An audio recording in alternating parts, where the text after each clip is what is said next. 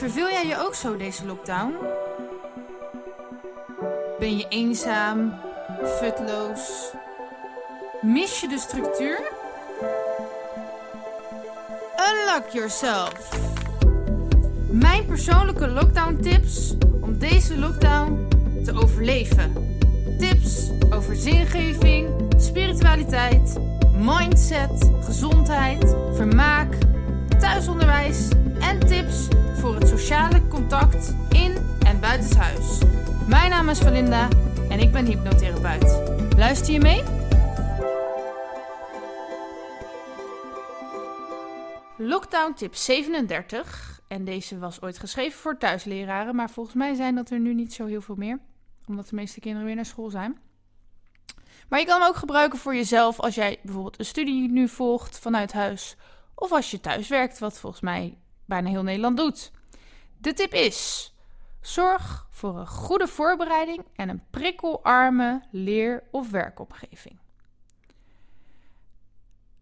Nou, zorg er dus voor dat als je gaat leren of werken, dat je genoeg uitgerust bent, zodat je s morgens al vroeg kan opstaan om alles wat je die dag gaat doen voor te bereiden. Of leg alles ook alvast in de avond voor jezelf klaar. Een goede voorbereiding is het halve werk. Nou, wat ook altijd prettig is voor je eigen rust en structuur, is dat je een eigen werkplek hebt in een vaste kamer of een vast hoekje in huis. Um, zodat het helemaal duidelijk is: dit is jouw plek waar jij gaat werken of studeren of leren. En zorg ervoor dat die plek rustig is qua geluiden, qua afleiding van spullen, speelgoed, mensen enzovoorts. En zorg er ook voor dat het opgeruimd is en schoon. Er zijn mensen die beweren dat ze beter gaan op rommel en chaos en creativiteit. Nou, dan moet je dat wel aanbrengen. Maar volgens mij geldt het toch, ook al denken we vaak van niet, dat voor de meeste mensen een rustige ruimte waar niet te veel rotzooi is en niet te veel troep, dat je dan beter je kan concentreren. Maar als jij denkt dat het anders is, doe dan vooral wat voor jou werkt natuurlijk. Zorg er ook voor dat de afleidingen die op de loer liggen niet groot zijn. Nou, dit is ook echt een tip voor mezelf. Want als ik podcast maak, dan heb ik een hele grote afleider die ik telkens in mijn hand heb. Dat is namelijk mijn telefoon. Ehm, dus kijk ook even, hè, hoe ver is die telefoon bij jou vandaan? Heb je die vandaag echt nodig? Of kan je die op stil zetten? Kan je die op uitzetten? Kan je apps eraf halen, zodat je niet afgeleid raakt van het werk of hetgeen wat je wilt gaan leren? Hoe ver is de tv bij jou vandaan? Is het verleidelijk om die aan te zetten? Um, hoe verleidelijk is, om, is het om stiekem YouTube-films aan te zetten of om te gaan gamen? Maak het jezelf, of als dit voor je kind of iemand anders in huis geldt, niet te makkelijk om jezelf te laten verleiden.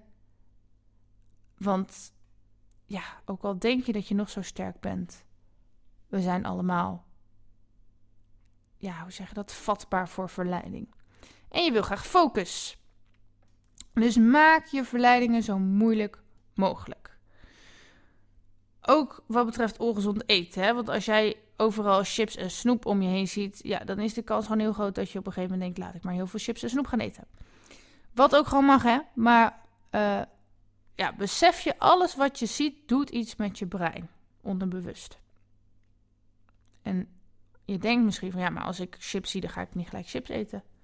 Maar als je het de hele dag doet, is de kans gewoon veel uh, ziet, is de kans gewoon veel groter dat jij er bijvoorbeeld s'avonds dan wel eerder chips gaat eten.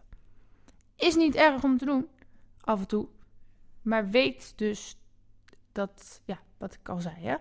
Volgens mij is het wel duidelijk. Um, verdiep je van tevoren in de lesstof die je gaat leren of in het werk wat je gaat doen.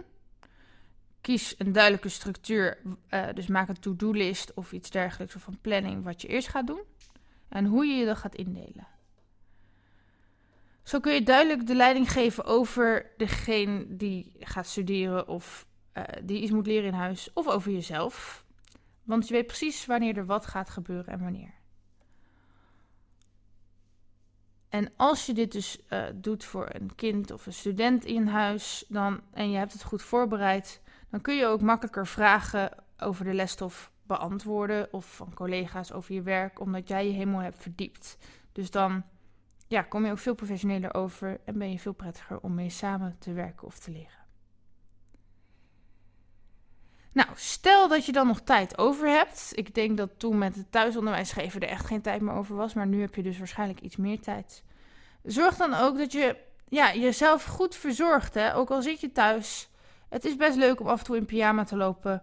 Maar ja, het is veel fijner je dag beginnen als je wat ontspanningsoefeningen hebt gedaan. Hebt gemediteerd. Een lekker ontbijtje hebt gehad. Een lekker warme douche.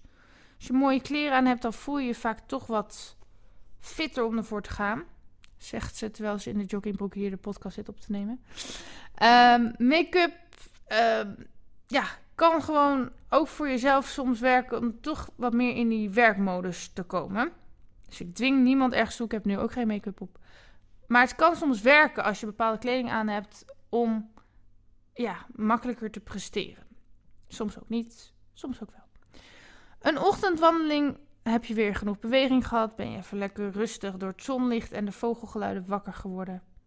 Schrijf je van tevoren je intenties op voor die dag. En zo zorg je ervoor dat je vrolijk en rustig je dag begint.